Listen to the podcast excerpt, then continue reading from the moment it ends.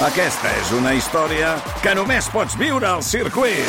24, 25 i 26 de maig. Gran premi Monster Energy de MotoGP al circuit de Barcelona, Catalunya. Compra ja les teves entrades a circuit.cat. Viu-ho! El podcast. Del Via Lliure. Au village sans prétention, j'ai mauvaise réputation. Je me démène ou que je reste quoi, je passe pour un je ne sais quoi. Je ne fais pourtant de tort à personne en suivant mon chemin de petit bonhomme. Mais Hola, Santi Jiménez, què tal? Bo, que estàs tu aquí, encara? Eh, sí. Sí, sí, jo estic que encantat. pensava Què vols? que seria- Què vols, què vols? Home, Any no, nou, no, res, nova. Sense mi.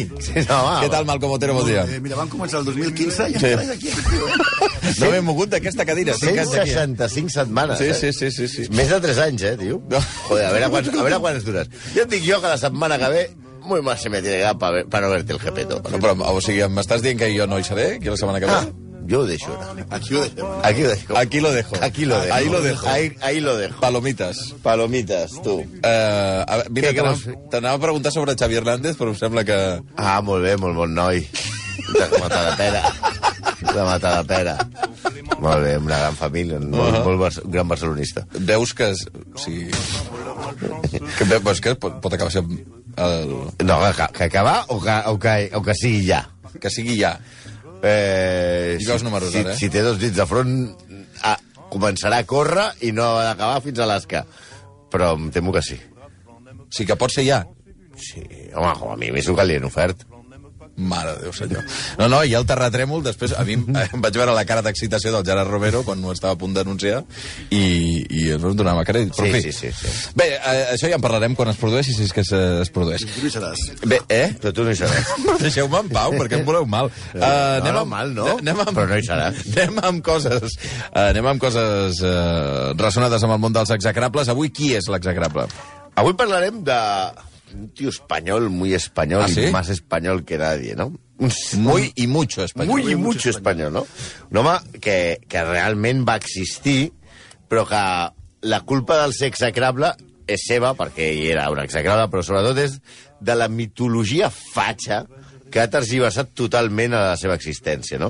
Sens dubte era un execrable, com diem, però no més que qualsevol altre del seu temps, no?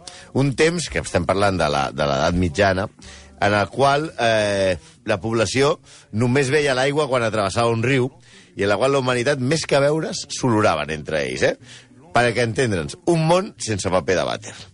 Parlarem d'un tipus violent, traïdor, cruel, gràcies Malcolm, assassí, torturador, molt ambiciós i egoista, però amb unes ínfoles de grandesa que ni José Mourinho. Però ni més ni menys que altres contemporanis seus, com hem dit. En aquest cas, els realment execrables són la legió, mai millor dit la paraula legión, de seguidors que van agafar la seva figura i la van convertir en el nova mas de l'espanyolitat. Especialment va ser una figura històrica maquillada i reivindicada pel franquisme. És a dir, que ara està més vigent que mai. Hòstia. Era un mercenari amb molt pocs escrúpols. A veure, és que acabo de dir, jo mateix m'adono que és una tonteria. Si tens escrúpols ja no et deixen passar de primer de mercenari. Tu imagina't que t'apuntes a mercenari. Dius, hola, vinc a apuntar-me a mercenari. I el tio diu, tu tens escrúpols? I tant, jo només mato, violo i torturo per causes nobles. I el tio diu, Gràcies. Deje su número, que le le llamaremos. llama- ya le llamaremos. Ell comandava, avui, avui una cosa molt important, avui farem servir unes paraules collonudes, meravelloses. Ell comandava una mesnada de guerrers àrabs, però la propaganda més rància, tipus l'anunci aquest últim que ha fet Vox sobre los tercios, va convertir el nostre home en exemple de cavaller castellà, noble, que es bat contra los perros sarracenos, sent una mena creua, de creuament entre el guerrero, l'antifaz i Ivanhoe, per reconquerir una Espanya que mai va existir més enllà de les ments dels carcamals tipus d'Aznar, que no sé si ho heu vist, que va arribar a disfressar-se pel país caracteritzat del nostre home. Anem al gra. Pugem al cavall i fem una, una càrrega por Dios i por Santiago, sus i a ellos, que avui parlarem de Rodrigo Díaz, també conegut a la seva època com Rodericus Campidoctor, el Cambitur, Ludric o Rudic el Què dius? però més conegut simplement com el Cid.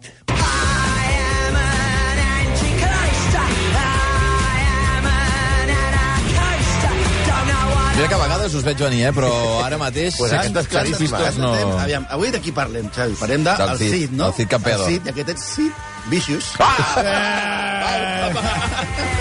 Jo m'imagino la quantitat d'hores que dediquen a aquesta, a Que no, aquesta que no, que en surt, sol, eh? És talent, natural, talent eh? natural. Bueno, va. Jofre Llombard deu estar aplaudint amb les orelles, eh? El Cid, campeador vicius. Sí, sí. No, quin desastre. Ja. No, no, eh, jo porto... Quantes temporades portem? Encara no, no... O sigui, no us veig venir. Hi ha alguna vegada, alguna Mira. vegada que dic, ara ho entenc. Però, però no és és, impossible. Això no és gratuït. No, No, només, no, només no. no, no és Hi ha gratuït. punts en comú No, entre sí. tots dos. Entre Cid Vicius i el I el nostre xicot de Burgos, eh, que també era una mica punky. Anava a la seva. Era bastant anarco en la qüestió aquesta de, fer cas a la gent, de no fer cas a la gent que el manava, i li encantava saps els, els punkis d'abans, com el Sid Vicious, el Johnny Rotten, se treballaven la cara amb imperdibles. Sí. Bueno, ell també ho feia amb els altres, però Has aleshores dit se treballaven? s'atravessava. Eh, sa, eh, però però eh, abans els hi deien espases. Ui. Aquelles coses, no? O sigui, el, el, els podia haver clavat una espasa per l'orella, Sí, així, com a era forma com de... el, el túnic aquest dels punkis. Sí, però comencem. El Cid va néixer a Vivar.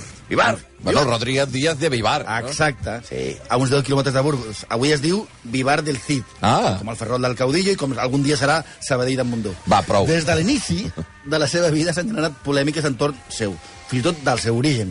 I és que la seva vida ha estat objecte de moltes, moltes, moltíssimes mentides.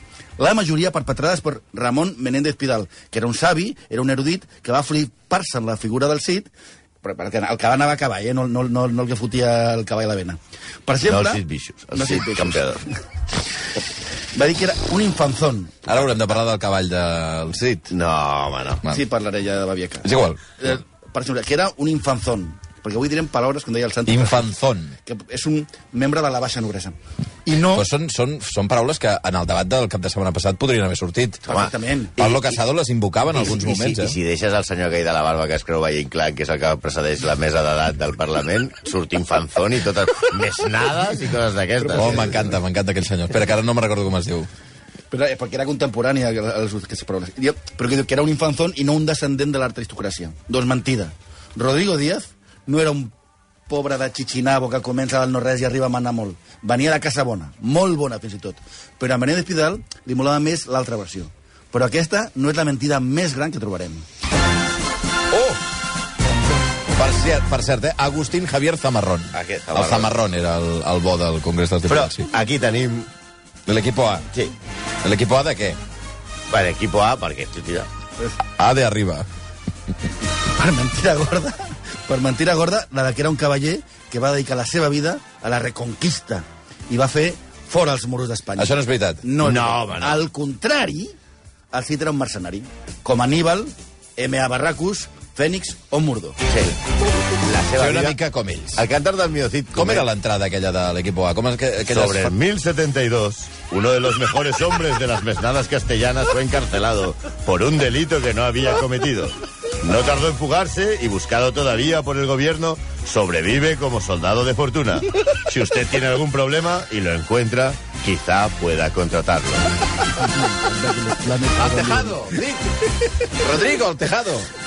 Passa que no tenia com col·legues, vull dir, no, per, per anar amb una furgoneta. Bueno.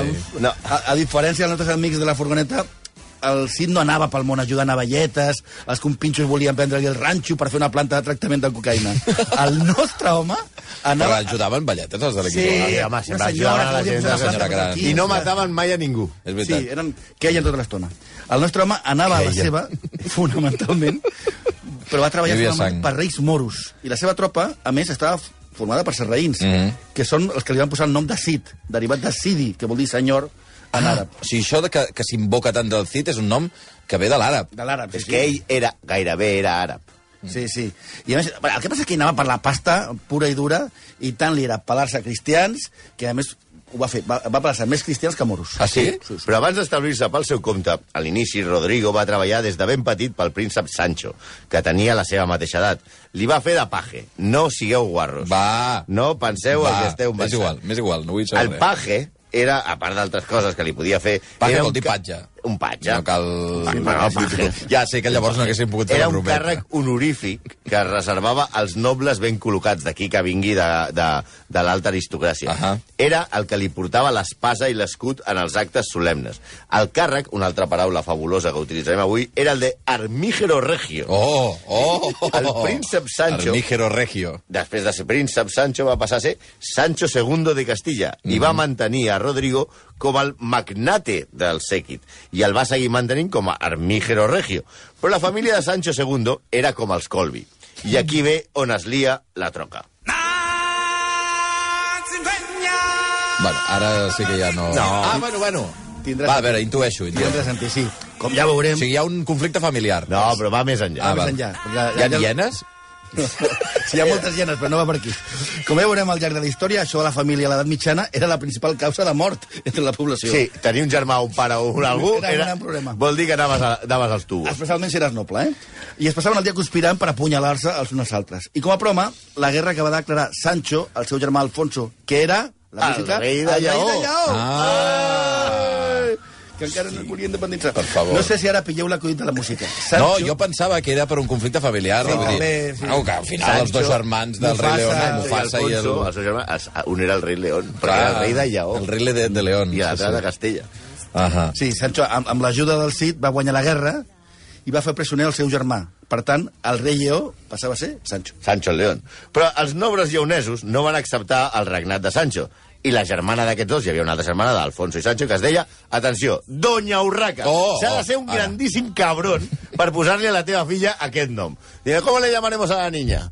Urraca. No hay cojones de llamarla Urraca. Ja no s'emporten gaires d'urraques, No, no? massa. Si algú ens està escoltant eh, i, i, i es diu Urraca, que ens truqui. Pues Doña Urraca, Urraca, Urraca de, de Zamora, es va sublevar i es va fer forta a Zamora. I allà van anar eh, Sancho i el Cid, toc, toc, toc, toc, toc, toc, toc, toc, toc, i a sitiar la ciutat. La- D'aquí ve la dita de no se gana Zamora en una hora. I allà és on el noble zamorano, al tanto, que ve un altre nom colossal, Bellido Dolfos, Oh, oh, oh. Assassina Bellido a. Sancho. Bellido de nom. Bellido i Dolfos de cognom, que també té no sé. Entre Urraca i Bellido Dolfos anaven contents allà. Assassina a Sancho i el i Alfonso, aleshores, que era el germà que estava pres pel seu altre germà, que acaba ser assassinat, mm -hmm. passa a ser rei de Castella i Lleó. Per entendre'ns, Bellido Dolfos era com un baró del PSOE. I aquí és on arriba una, una altra de les grans mentides que s'han fet comunes. El juramento de Santa Gadea. Segons el cantar del Mio Cid, que Menéndez Pidal es va prendre al peu de la lletra, abans Abans de de. Pidal veu la guerra de les galàxies i encara es creu que existeix la. Exacte.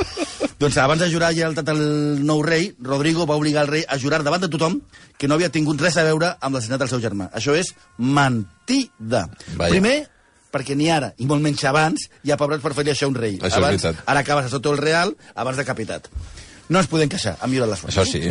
Segons qualsevol historiador se- seriós, i n'hi ha patades, però ningú el llegeix, la jura de Santa Gadea, obre cometes, està carent de qualsevol base històrica. Ah. S'escriu per Com a, primera... novel·la, com a novel·la està bé. Com a novel·la està bé, perquè és una novel·la. S'escriu per primera vegada sobre el 1236, és a dir, més de 200 anys després dels suposats fets.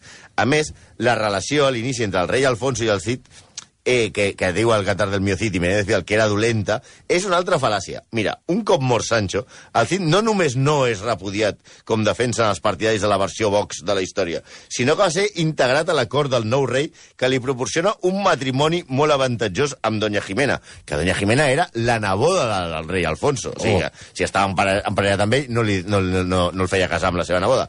Li fa de padrí de boda, li augmenta les terres i li dona càrrecs molt rellevants a l'administració. Ho tenia tot per retirar-se tan tranquil, però la cabra tira al monte i el Cid el que li agradava era la pasta i tallar caps.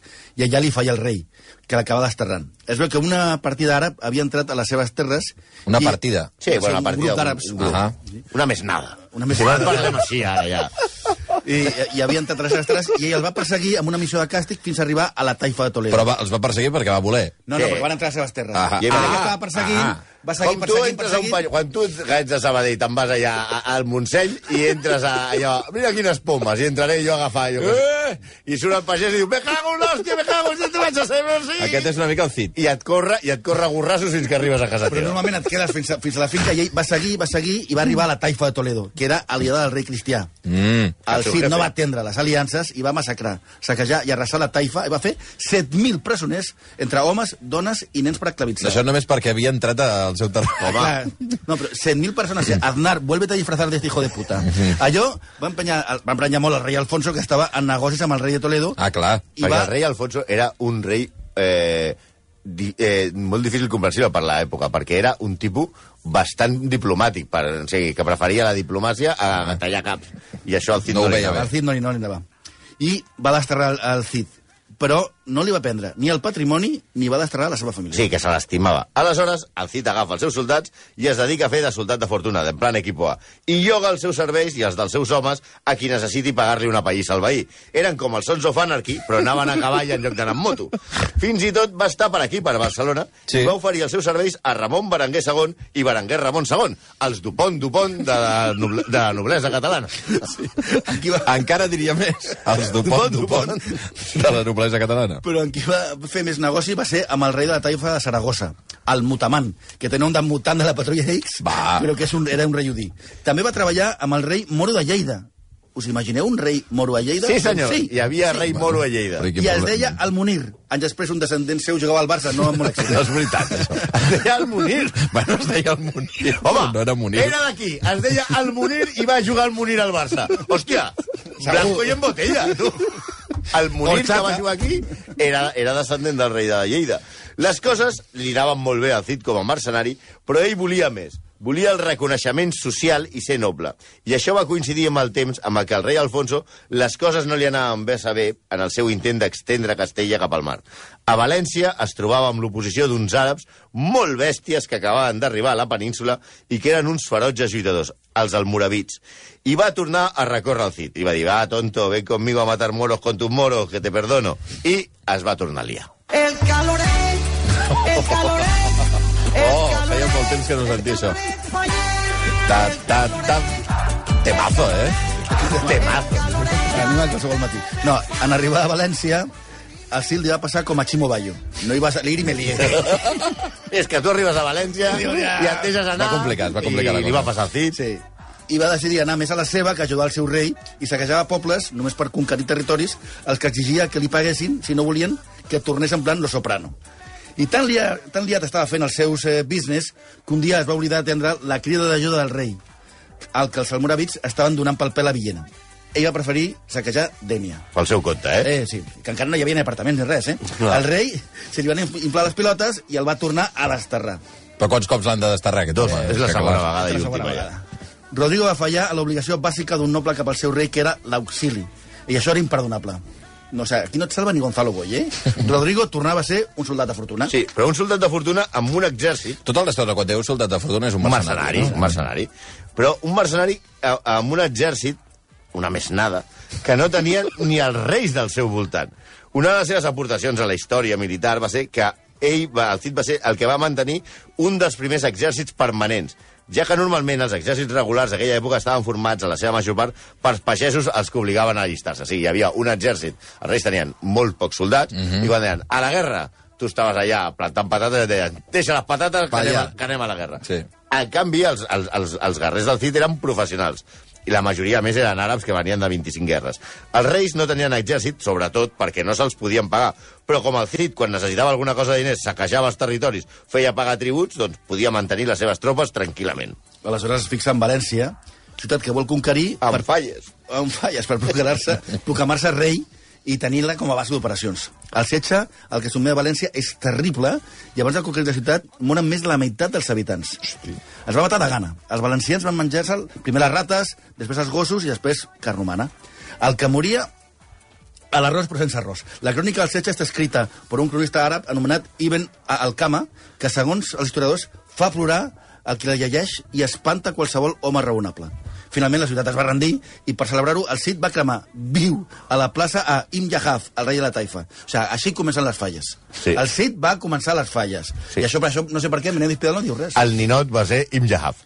En València conquerida, el Cid se viene arriba amb banderilles i proclama príncipe, i es proclama, s'autoproclama, príncep Rodiricus Campidoctor. Campidoctor vol dir campeador. Malnom que es va guanyar per la seva habilitat en partir la crisma dels altres que es trobaven amb ell.